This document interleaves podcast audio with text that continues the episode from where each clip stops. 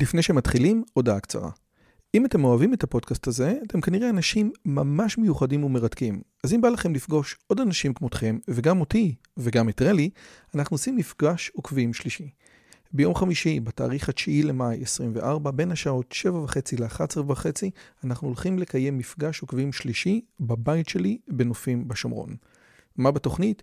מינגלין וכיבוד עם עוד עוקבים מרתקים כמוכם, הרצאה שלי, דיון לגבי הערוץ, ציור בסטודיו ובסוף קומזיץ ופיתות על הסאג'. הרשמה מראש היא חובה וניתן לעשות את זה בקישור שבתיאור הערוץ או לחפש את הלינק ביוטיוב. נשמח מאוד מאוד לראות אתכם. ועכשיו, לשיחה.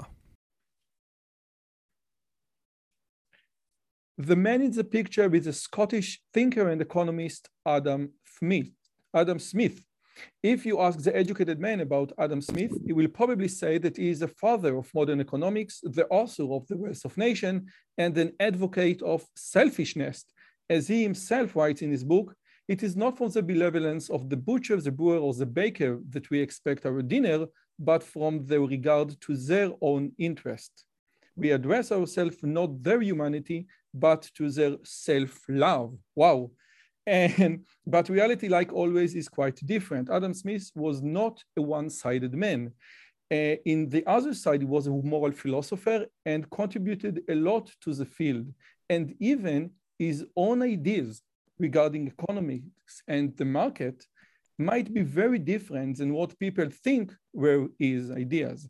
Hi, and welcome to my channel, The World of Roy Yozevitch, when I host and speak with the most interesting and influential people from all around the world. If this is your first time here, please consider subscribing and hit the bell button. And today, I'm privileged and honored to have uh, Mr. Eamonn Butler, on the show with me. Mr. Butler is a British economist and the co-founder and director of the Adam Smith Institute in London. He has written several books about Hayek, Milton Friedman, and Lud Ludwig von Mises. So, Mr. Butler, many thanks for joining me today. How are you? I'm very well. Thank you very much. You're most welcome. Okay, thank you. So you are the director of the Adam Smith Institute. Why do we even need such an institute? I thought that his ideas penetrated our culture. We all know today that free markets produce much more than centralized government, and we don't measure wealth in gold, but in GDP and so on. So why do we even need an Adam Smith Institute? Well, I know these things and you know these things, but uh, there's an awful lot of people in the world who don't know them. And the name of Karl Marx is, uh, is known worldwide. I think the name of Adam Smith is, is not known so well. Uh, and Marx's ideas are, are uh, trumpeted by particularly uh, young people in universities, particularly in places like America. Um, and, uh, and they think this is the right way to live. Um, and bitter experience tells us, of course, that that isn't the case. And, uh, and Smith put forward the idea that the, the best form of economy was one which was free, free to trade and, uh, and free in domestic uh, commerce as well. And that the more rules and regulations you, you throw on that, then uh, the less well it does. So we really do need an institute which introduces these ideas and, and injects them into public policy, um, not just in UK, but around the world. So basically, what do you say? And let me focus on the US. Even though Adam Smith ideas actually built or the foundations of the, of the US government and the US economy and the US constitution, nevertheless, US students, the youth, are much more attracted and much less familiar with Adam Smith's idea and much more familiar with Karl Marx ideas. Yes? Yes, I think that's true. And I, I, think it's understandable to a certain extent because young people um, like radical ideas and they, they like something that's, that's new and different. Uh, and it's not what their parents are doing. Um, and they like, they like to have a system. The thing with, thing with um, socialism or, or, and Marxism in particular, it's a kind of system. It's a way of thinking and you can use it and you hopefully solve every problem. Well, it doesn't actually solve every problem. It, it cre creates other problems. Uh, but but I, I think that, um, you know, affluent young people just don't realize um, the, the, the market environment that they're in. They, they don't realize the importance of markets and of capitalism. Uh, and they, they think that capitalism is just, you know, greedy bankers and people like that. Um, and they don't understand how capitalism works. Uh, and and, and it, it, it's so natural to them. They're, they're in it all the time. They don't realize that if you knock that down, then you know life itself would become impossible. You know, you just mentioned something that is so profound because, at least on paper, social, socialism and capital and Marxism strive or aim to make the world a better place. Mm. And at least, at least on paper, capitalism just deals with how to increase your own capital, how to increase the growth. So we might say, listen, ca capitalism is immoral, but nevertheless it produced the best results ever. But I think what Adam Smith tried to do is to combine those two together in, in a way that there is a moral sentiment or the moral philosophy and in one side and the economics and the economic, the market, the trade on the other side, but they're just two sides of the same coin. Is it mm. fair to say it? Oh, definitely. Um, I think that uh, Adam Smith was not merely an economist, which is how we think about him today. He was really a social psychologist. His his first book was in moral philosophy. He was looking at what it is that makes things good and, and bad morally. Um, and that's the book that actually made him famous. Uh, and then he, he worked on politics as well and uh, on the law. Um, so he was all round. He, he looked at the human mind in, in all of its manifestations. And that's what he was interested in, the, the, the psychology of all of these things. Um, and, uh, you, you, know, I, I, I, do disagree with people, I'm afraid, when, when they say, oh, uh, capitalism, it's all about um, your own interest and that's immoral. Um, no, capitalism is actually a hugely moral system because you don't have to force people into it. The thing with the socialist system is that somebody high up in the in the bowels of government decides Man what's going the to be system, like Adam Smith called him. Yes, the man of system uh, uh, decides what should be done, and we're all expected um, to take our positions on, uh, to, to use Adam Smith's uh, analogy, the chessboard, and be moved around wherever that person thinks we should be moved around. And if you don't like it, well, um, you know, you get put in jail or you don't eat. And capitalism is not the same as that. Capitalism works through voluntary exchange. That, uh, as you say, with the butcher and the baker and the brewer, uh, they've got something you want, I've got something they want, which is money.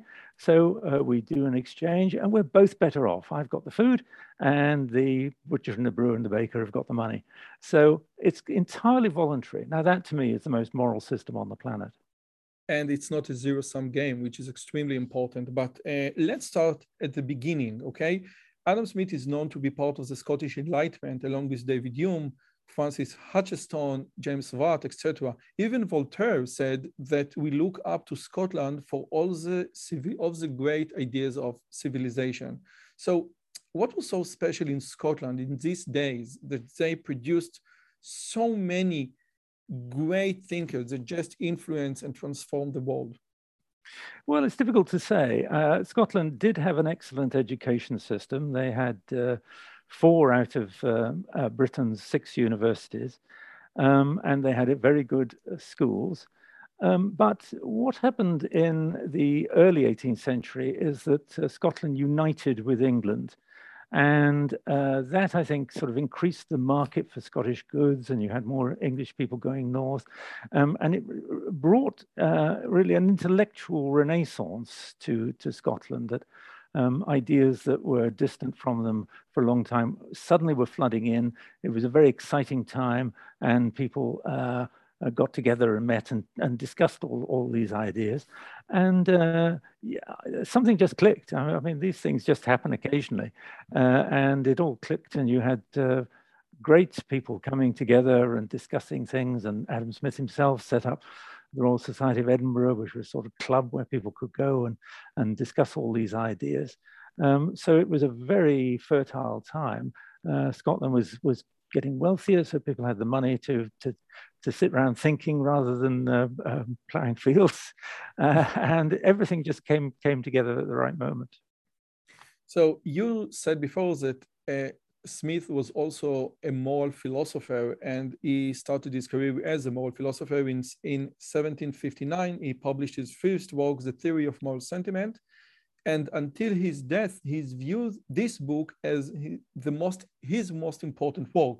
Now, before we dive into in this book, we need to know what was the moral thinking of his time. Can you elaborate what a sixth moral sense is? Do we have a sixth sense to morality? What does it mean? Well, people at the time came up with different theories. I mean, some people said, uh, well, morality, it's what God says. And then other people said, well, we don't really know what God says necessarily, so we have to follow the, the church officials. They'll, they'll tell us what's good. And people had other theories, and one theory was that we had a moral sense. It was like hearing or eyesight, that you could just somehow sense what was good and, and what was bad. And that didn't really make too much sense because there's an awful lot of people um, who don't seem to have that sense and do things which are very bad quite consistently and don't seem to realize it. Um, so uh, what Adam Smith did, did, was a completely new theory, which is that it was, a, it was an anthropological theory. Uh, and uh, what he said was, um, as human beings, we're social beings. We want to get on with each other. And when we do something that pleases other people, uh, they praise us and then we get a bit of a glow from that and then and then we do a bit more of it and when we do something that's that they don't like then they uh, they complain to us and we don't like people complaining to us so we do less of that so there you are. I, I mean, uh, Darwin's first book was, was published in 1859, exactly 100 years later. But Smith was already groping to this idea that we're social beings um, and uh, that we evolve as social beings and that we uh, somehow have a morality which keeps us going. If, if we didn't do these things, if we didn't respond to other people, if we didn't get on with them, we'd all be dead. We can say that morality is basically lining up or with, with what people consider to be nice and good or what, pe- or what other people consider good. Yes? This is basically yes, I, what morality is? Absolutely. According to Smith? Yes, absolutely. Because as we now realize, um, that is what uh, lets us survive. If we didn't do it, we wouldn't survive. Uh, it is the fact that we have a certain structure in our society, and that's a, a fact that we um, we do collaborate with other people, and we like collaborating with other people, and we don't like to annoy other people. All of these things allow us to work together and cooperate and collaborate together, um, and that is that is actually what keeps society going. Uh, we know now from Darwin and natural selection that um, if if that didn't happen, then our species would would be extinct. Smith didn't know that, and he just said, "Well, it, you know, it's providence. It's it's it's." Uh, providence has, has, has, made us in this way. And it's as well that he that providence did make us in this way, says Smith. But he doesn't really know why because he didn't have the tools of the Darwinian science. So how does it relate to the concept of the impartial spectator? Like uh, when we facing a moral dilemma, we hear two voices. And uh, Smith called one of the voices, I think the good voice, right? the impartial spectator. He something which is outside our ourselves and can look at the situation and tell us, listen, you should do this, you should do that. So it it in in, in my eyes, it is very similar to like a secular concept of God. So something outside you uh, should guide you. What mm-hmm. is the right thing to do? Yes, it is conscience, really. Uh, that um, you know what he is saying is um, if you act in a way which we would say is morally bad, people will complain about you uh, and they will uh, re- reprove you and so on. Um, and so, if there are no, if there's nobody around, um, you still have that feeling that well, if there were somebody around looking at what I'm doing now, um, they would criticize me. They wouldn't be happy. They, they would be annoyed. So that makes you think, well, maybe I shouldn't do that. So it is, it, it's something sort of outside your, uh, um, your own mind, but, but it's at the same time in your own mind, if you, if you get my meaning. Um, and it's, it's how you would, how you should react in any circumstances, whether there's people around to praise you or condemn you uh, or not. Uh, and, and, and so that allows us to, to do the right thing in any situation, even when there aren't real spectators. There's this notional, um, arbitrary uh, uh, spectator, independent spectator, um, who our, our, conscience sort of appeals to: Are we doing the right thing? No, it is quite. It, it's it's a hard idea to grasp because I think if you take this uh, impartial spectator or the outside spectator to the limit. If you take this idea to its limit, you get to Dostoevsky's the, the crime and the punishment. So if I know for sure that no one will know about me killing the old lady, why shouldn't I do it? So, so it's uh, Smith is like an observer. He's a keen observer of human behavior, and he's great at, at what he does. But to me, and please correct me if I'm wrong, he doesn't explain, okay, but what are the basics? Why do we even do it in the first place? Again, we know it's like there are, there are incentives to be good, incentives to be bad, because people will uh, will be nicer to us, and it's like a process of evolution, even 100 years before the, the term was coined. But why should I apply, why should I subscribe to this sentiment if no one is looking? Well, this is something that I didn't quite understood in his work. I, th I, think that Smith is saying that this is actually part of our psychology. Um, we, we, are born this way. And now we know uh, through evolutionary theory, you know, why we are born that way. Um, Smith could only say, well, providence has made us that way. Um, but we're born that way, and therefore we do follow these general principles. And it's perhaps um, uh, drilled into us by our parents that there are some things you should do and some things that you shouldn't do. And uh, somehow that goes into your consciousness. So it's not a case of, I'm, you know, I'm going to steal this money because nobody's around to see it, and um, you know, I won't get punished for it. You don't steal the money because you figure this is a bad thing to do. If and, and as Smith would say, if there were somebody around to see it, they would be uh, very condemnatory of, of, that, and you don't want that. that, that that's that's unpleasant. So it's not the it's not the fear of um, going to jail. it's the it's the fear of mm, how would my behavior, uh, how would other people react to my behavior, and I want to act in a way in which I know whether there's people there or not, I'm acting in a way that others would approve of. It is very similar to Kant imperative uh, notion or yes. categorical imperatives that you need to do yeah. the right you need to do the right things that you would agree to say, okay, I want what I have done, the the actions that I've done to be a universal law. Okay, so so it's very, very similar to this concept of the imperative of the categorical imperative. Now, Professor Ryan Hanley said that Adam Smith's main concern was the well-being of the poor. In your opinion, is it true? Definitely, absolutely. Um, and it's the same reason why I run the Adam Smith Institute. I, you know, I'm not interested in the welfare of the rich. Well, I am, but but it, you know, it's the it's the welfare of the poorest people. And Adam Smith uh, thinks exactly the same that, uh, that I do today, uh, which is poorer people are being, the, the, working poor are being held back by rules and regulations and taxes, um, which make life harder for them. Um, and that's one of the reasons why I want to get rid of those taxes. And it's one of those and regulations. And it's one of the reasons why Smith wanted to do the same. He thought that um, if ordinary working people were allowed to work and, and do what they like without being bossed around by in his case, you know, wealthy landowners and so on, in our case, by bureaucrats, uh, then they'd actually be much more productive um, and they would be able to uh, provide for themselves and their families uh, um, much more easily and at, at a much higher level. Um, so yes, I think Adam Smith and I are, are both on the same uh, side there. We believe in free markets because we believe these are the best way of, of helping the poor. Socialism doesn't help the poor, the free markets help the poor. So this is basically why Smith changes focus from the perfection of private nature to the improvement of public systems?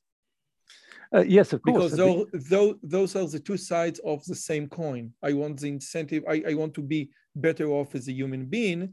And it's like there, there was a documentary about Adam Smith. What they said, you need to think of the term fair and justice together because if something is not fair, it's not it's injustice and something must be done. And who is responsible to repair this damage? The government, the economy, the market. So if you can please elaborate of what fair justice and and the tra transformation from the moral sentiment to the market and the economy. Hmm. Well, that's, that's rather big question. Um, Adam Smith was um, very strong on justice. He thought justice was extremely important. And he's not talking about the modern idea of social justice, where, where really it just means equality and redistribution. Um, he was talking about people um, uh, suffering or enjoying the uh, results of, of, their actions. Um, and therefore, uh, you know, morally, uh, that's, uh, that, that's exactly what you want. You want, you want people who act responsibly um, because they suffer the, suffer the consequences. Um, and if it's a, a, a really heinous um, uh, uh, crime, then yes, we want justice to intervene and for them to uh, go to jail or, or, or, whatever it is. So uh, justice is very important. And he, he thought that this was very deep in the human psychology, which I, I, I think it is, that we have this, this sense of fairness. We have this sense of what is right. We have this sense that if you do something that's wrong, uh, you should be punished, even if it's only by verbal criticism. Um, and let me just say, let me just say that even mammals, even little dogs, have a concept of fairness. If two dogs play a game and uh, one dog act unfairly, the other dog or the other puppy won't participate. So even mammals has a concept of, wait a second, it's not fair what you have just done. So it's something that is deeply rooted within our human nature. Uh, yes, indeed. In, in, animal nature, in, in general, absolutely.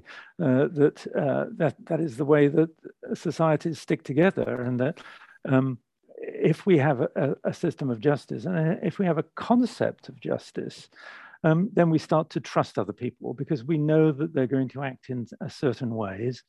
Uh, we know that they're not going to act in other ways, and we can deal with that. We you, you, you can plan your life on the basis, I, I plan my life now on the basis that when I walk down the street, um, gangs of people aren't going to come up to me and steal my wallet.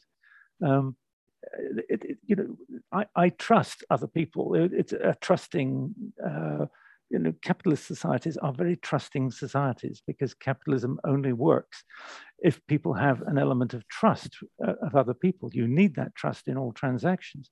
So it's extremely important to have that, have that uh, trust. And, and therefore, that is really why you need a system of justice. You need concepts of justice. You need people to complain when things aren't right.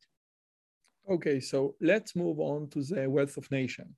And I think the most quoted sentence from the Wealth of Nation is not from the benevolence of the baker, the brewer, or the butcher.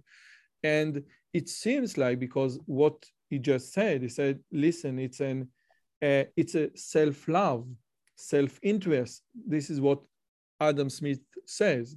And is it mutual selfishness or mutual respect? Because it seems like everyone just care for himself and nothing more.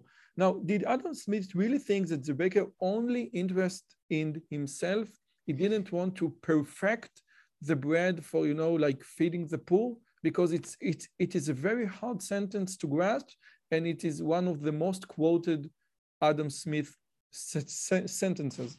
Mm, yes, um, well, I, I, I think that he's um, it's it's a bit of a caricature. That's right. I mean, obviously, um, shopkeepers have other other sentiments, and most people that I know in business don't just want to make money. In fact, many of them aren't terribly interested in making money. What they do want to, to do is to produce the best possible service and the best possible goods and to have really happy customers. That's what turns them on.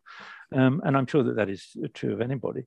Um, but uh, Adam Smith was trying to make the point um, that when uh, that, that, that, people in business um, don't necessarily act in order to um, to benefit other people. They act principally in, in their own benefit. Now, th there's a very important distinction which you must make, which is between um, self-interest and selfishness. They're not the same thing. Adam Smith oh, talked. great! Could you please elaborate because I think it's it it is a critical point in Adam Smith's philosophy because when you discuss Adam Smith's idea, you also you always get this. So, what is the difference, in your opinion, between self self interest and selfishness? Yeah, well, um, Adam Smith uh, talked about self-interest, and all of the 18th century scholars talked about self-interest. Um, and their, their view was that we are all uh, self-interested, and if we weren't, we'd be dead, right? If you, if you didn't um, if you didn't have a mind to getting food when you need it and, and water when you needed it, um, you, you simply wouldn't survive. We do look after our own interests. And as far as the 18th century scholars were concerned, that is perfectly okay. That, that is perfectly sensible. There's a difference between that and greed or selfishness, uh, where uh, you do things which are, yes, uh, for your own interest, but you have not a care for anybody else, and you don't have a care for the uh, the results of, of your action. And what Adam Smith is calling for is, if you like, rational self-interest yes, we're all interested in each other, but if we actually collaborate in the market, let's say, then uh, we, we benefit each other. And that is the important thing about this sentence and, and Smith's idea of the invisible hand, that by pursuing our own interests, the only way to do that is actually to serve the interests of other people.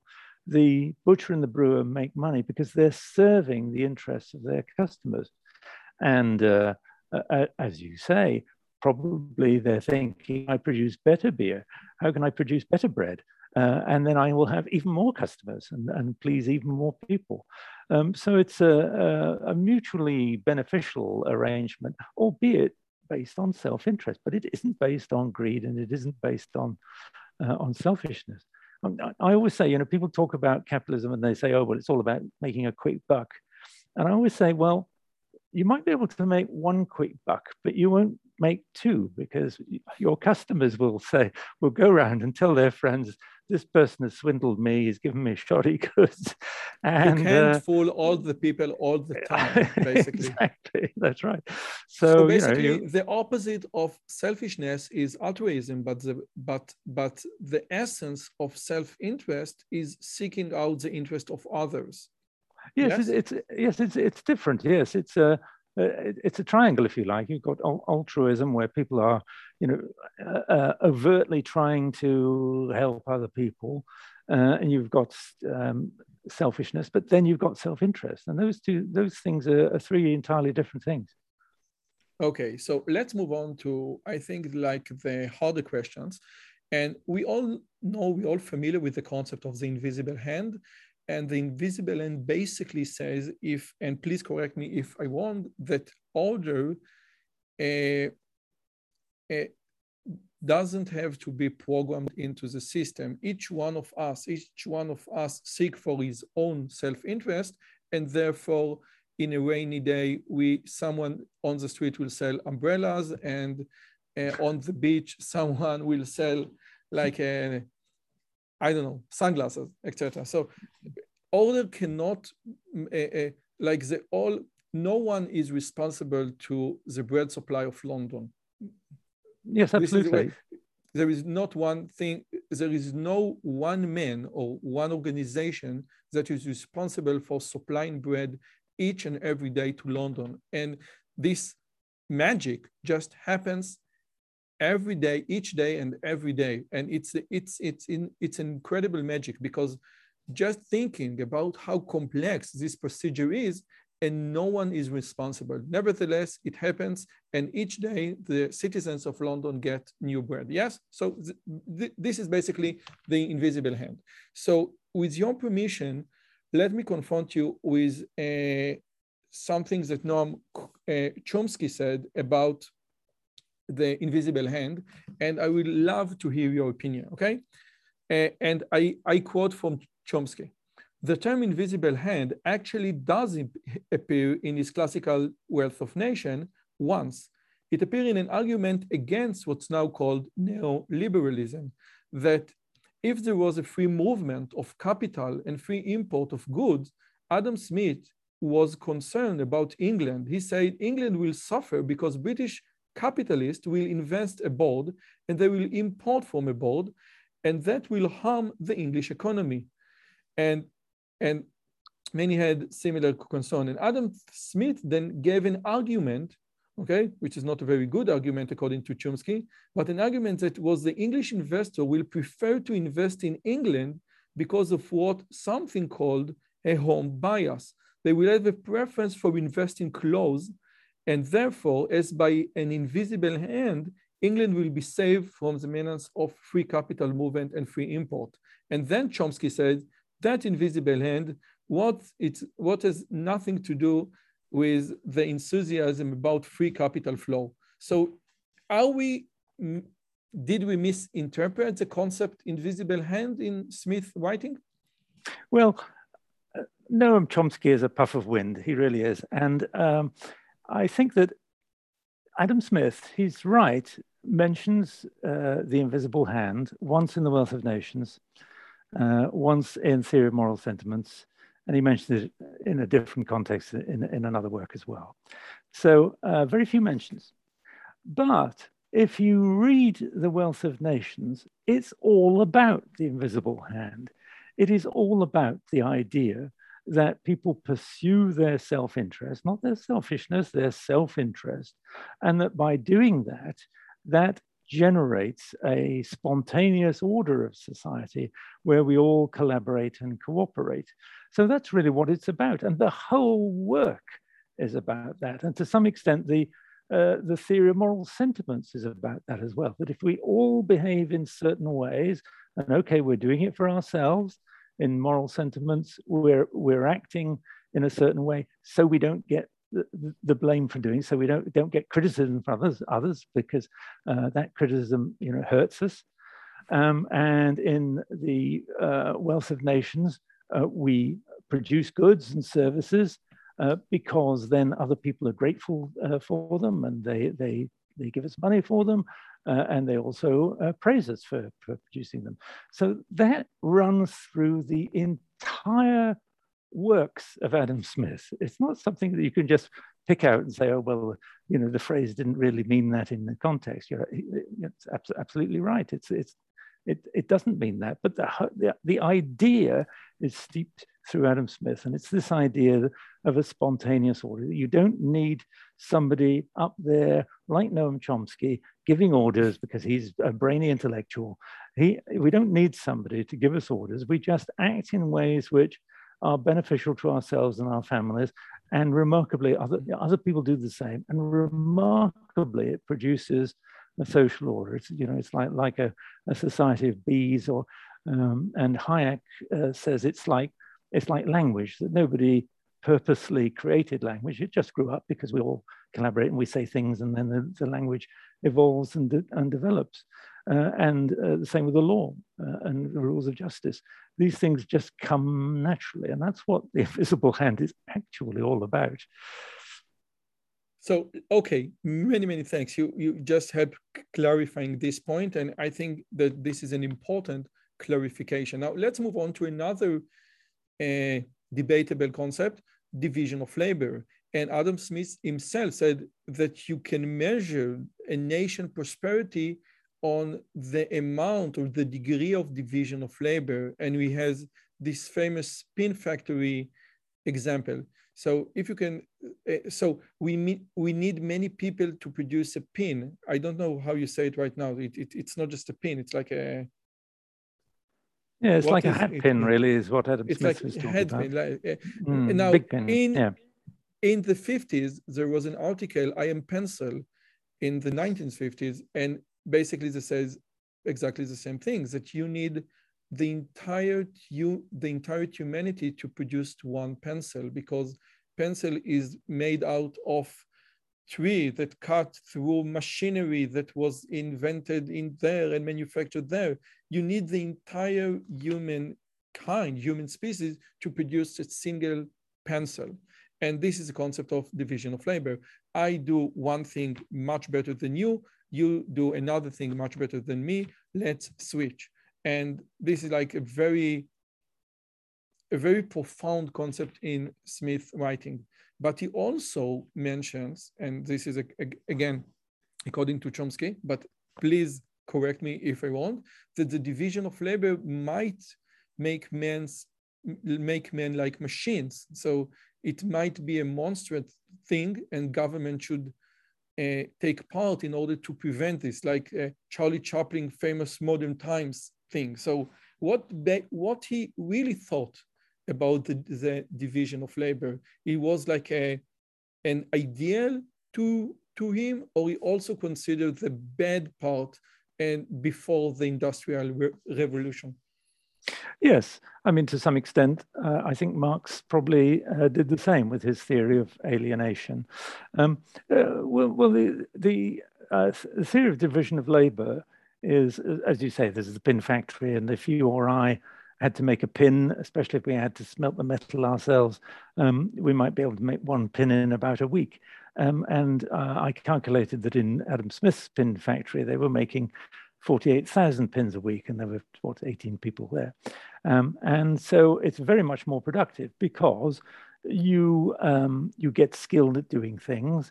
You're not constantly interrupting one thing in order to do another. Um, and you can have the tools and the equipment uh, and the factories to, to do it. And that's very important. That is what capitalism is all about, that you lay down capital. In other words, you, you uh, buy, you create capital goods like machinery that allows you to uh, do the same operation very, very much more efficiently. I mean, I mean, you can catch fish by hand, but it's very much more efficient to build a net and put that in the sea, and you'll catch a lot, lot, lot more fish. Um, so uh, that, that's what capitalism is about. It's about laying down capital, capital so that you produce more things better, cheaper, faster. Um, and uh, yes, when people are doing the same job every day, Smith did recognize, as Marx did, that, um, that they would get fed up with it and uh, that, that, yes, as you say, they, they be, become sort of robots. Um, and he didn't want that to happen. And that's why he was very keen on education and that the workers should be able to access education and all the rest of it. I, I think that today we've sort of gone beyond that um, mechanical industrial phase, if you like, and uh, uh, these days in workers. the first world, sorry, we manufacture we manufacture almost everything in in the in the third world. So if you if you restrict your view to Europe and the and the US, you are absolutely right. But many people still in the third world still manufacture things on a daily basis like modern times even yes, worse if you yeah, yes but but but look at but look at a um, at any developing country you know like vietnam for example um, which was uh, you know ex exceedingly poor after the war in the 70s um, and now uh, yes they're manufacturing but what it means is uh, that people can uh, get a job, which is a regular job. It's, it's not a dangerous job like having to be in the mines or, or, or being out in the fields all, all day under the, under the hot sun. It's a better job. Um, and it gives you time off and gives you income. And you go to Vietnam and um, everybody's on their, their motor scooters and, uh, and uh, uh, speaking to their mobile telephones. It, it, it's a, a standard of living that was unavailable just 25 years ago. Um, so, so I, way, I, think. By the way, uh, by the way, it is very similar to Milton Friedman's idea that you, it's not fair to uh, to put in uh, to compare the U.S. today with China today because China today is like the U.S. 100 years ago, and mm. the hmm. U.S. had exactly the same process of sweatshops, etc., in order to get to what the U.S. today. So basically, it's a procedure, and many people compare like modern countries with developing countries and say, wow, this is not fair. They are not the same, but they forget that the modern countries gone through this entire phase, this entire process. So you're absolutely right. Yeah, that is, that is right. You, you, you, are, you are correct. And Milton Friedman himself, you know, his, his mother worked in a, a New York uh, sweatshop, if you like, a garment factory. But he, as he says, you know, she knew that she wouldn't be there very long. She would uh, earn money and she'd be saving up and then she would get a better job and do something better. Um, and that is exactly how countries in general think. And it's just, and it's how people think. You know, people will do a monotonous job for a while um, and then they'll uh, use their savings to, to do something better. Um, uh, so, so, yeah, I, I, don't think it's as big a problem as, well, it's certainly not as big a problem as Marx uh, painted it. And I don't really think that it's as big a problem as Smith point, uh, thought it was. But Smith's solution is the correct one, which is that you need a sufficient social infrastructure. So you've got education, adult education, and all of that kind of stuff in place um, so that people can have a fulfilling life, even if their day to day job is pretty boring.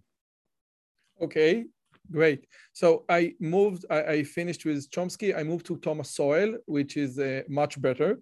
And Thomas Sowell in, in, basic economics said uh, it, it's, it's just a, a a, a, very nice indication that Smith was not a one-sided man. Thomas Sowell wrote in Basic Economics that he used to offer an A plus grade for any student that can find in the wealth of nation a positive treatment to merchants.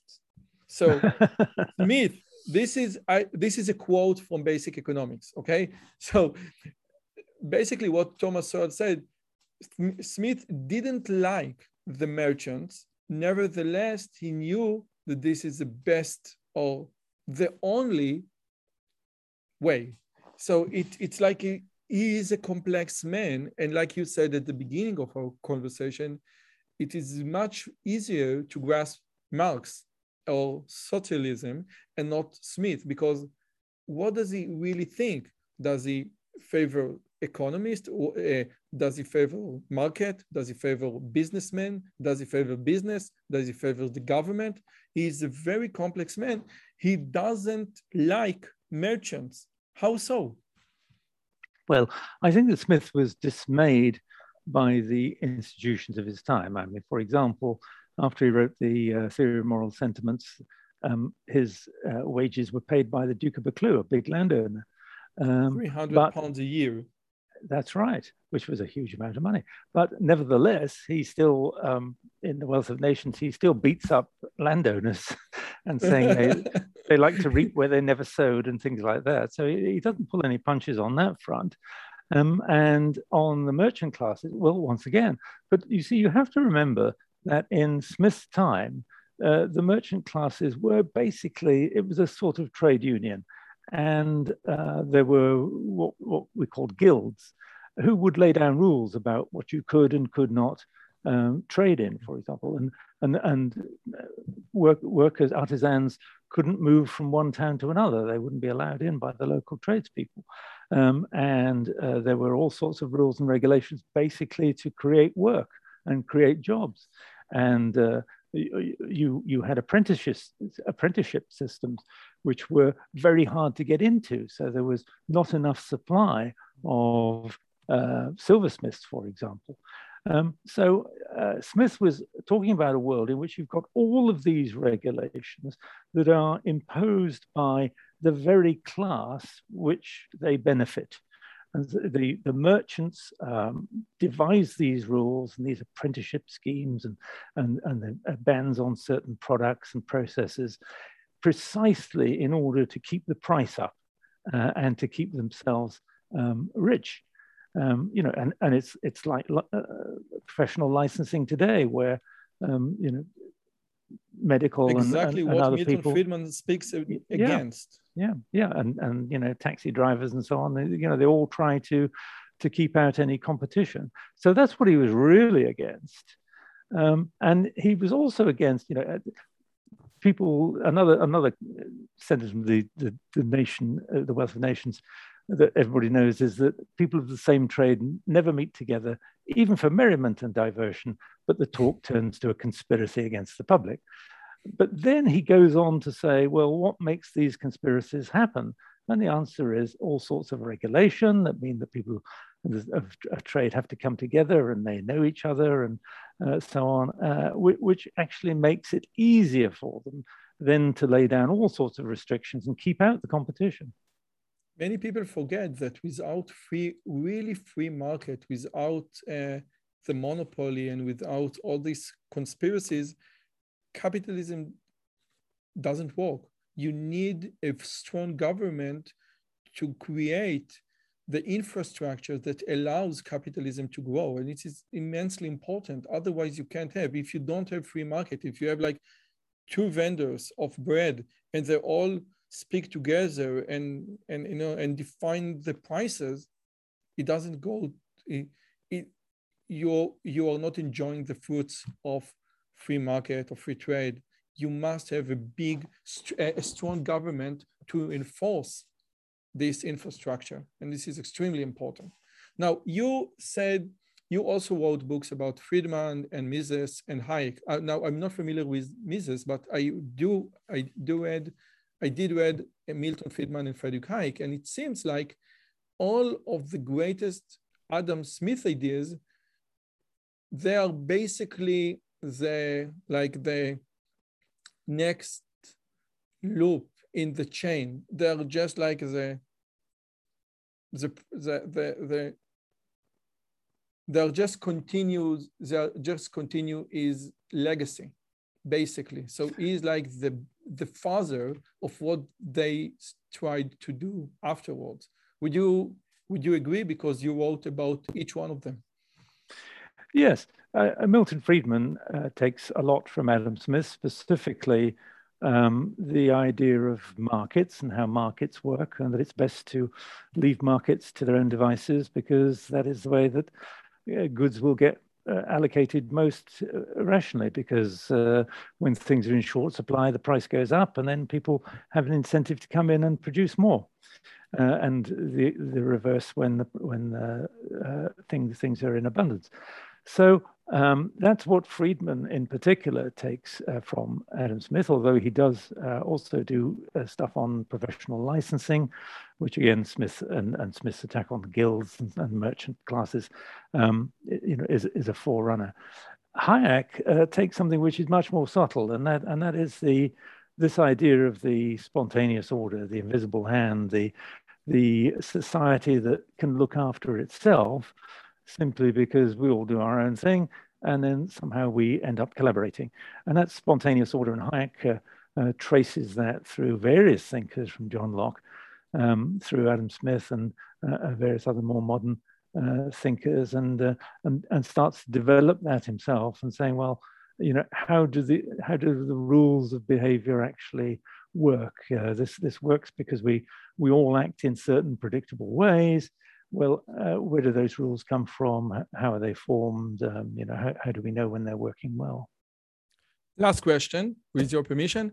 Uh, Adam, Adam Smith had a lot of groundbreaking ideas. The idea that wealth is not measured in gold, but in GDP is, is so profound and so counterintuitive to what was the main orthodoxy in the time in that time that it's just unimaginable he was he was an enlightened man but uh, these ideas now seems trivial to us in your opinion what is his most important idea to grasp in our times? The idea that capitalism since it involves free will and free uh, self-interest is the best the best moral system ever?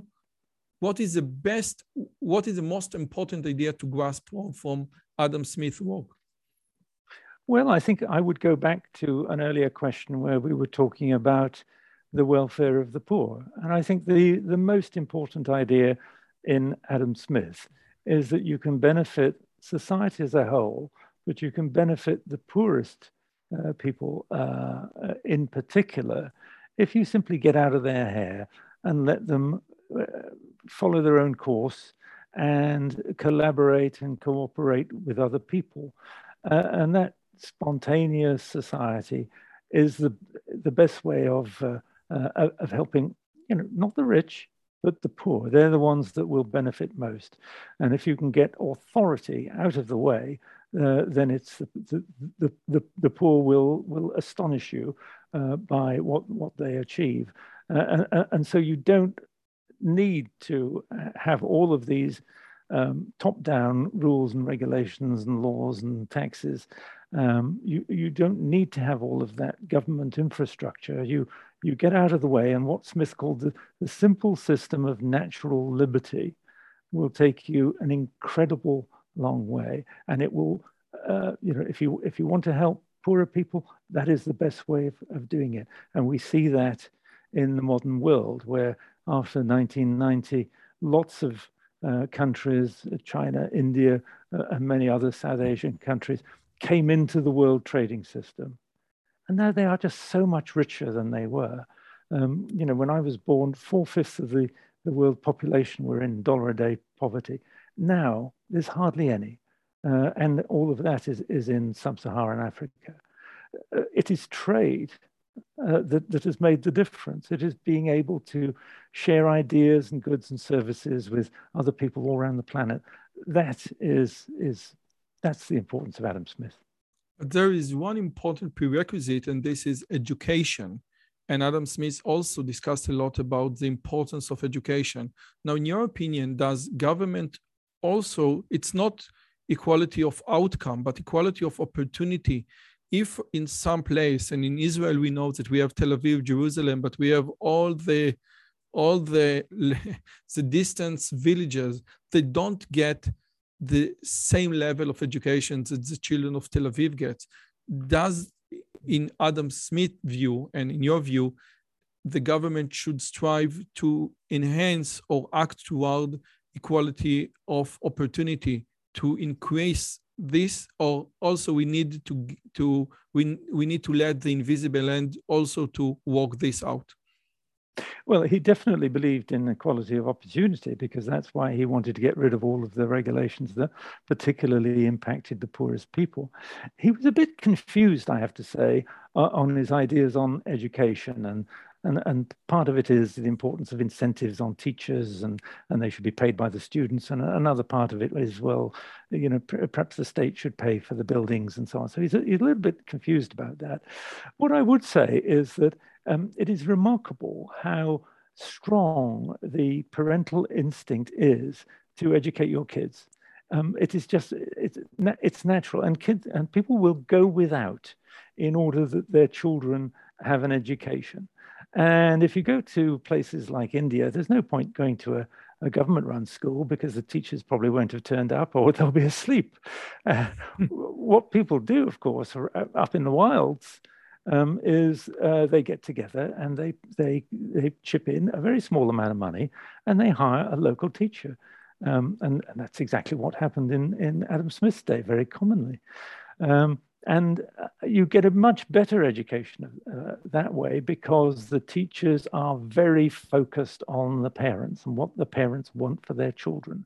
And the parents want the best for their children. Whereas in government run systems, well, the teachers are, are, really focused upwards, if you like, on the local authorities and the government uh, for, for their sustenance. Um, so I, I, I, I'm sanguine on education because I think that uh, the, the dry, if you just allow parents to do their own thing, um, I, I, think you would have a fantastic education system. And I think actually the, the government probably messes it up. okay.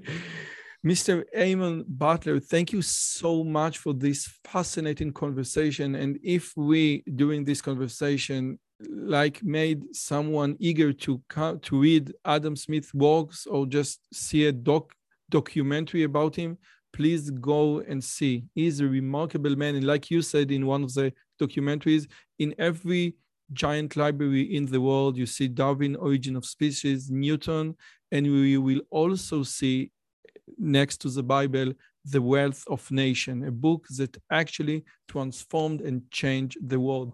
Thank you so much for your time. You're welcome. It's been a pleasure. Okay. Bye bye. Okay, this was Adam Smith uh, I, uh, let let me say it again. This was Adam Smith. If you want to know more, please read in the description. We have two great documentaries about Adam Smith, Ideas That Change the World and The Moral Sentiment. The idea that Adam Smith is not what he what many people think he is, I think this is a very important notion to remember. And I think, again, like Mr. Eamonn Butler said, the most important part of Smith's work is to help the poor.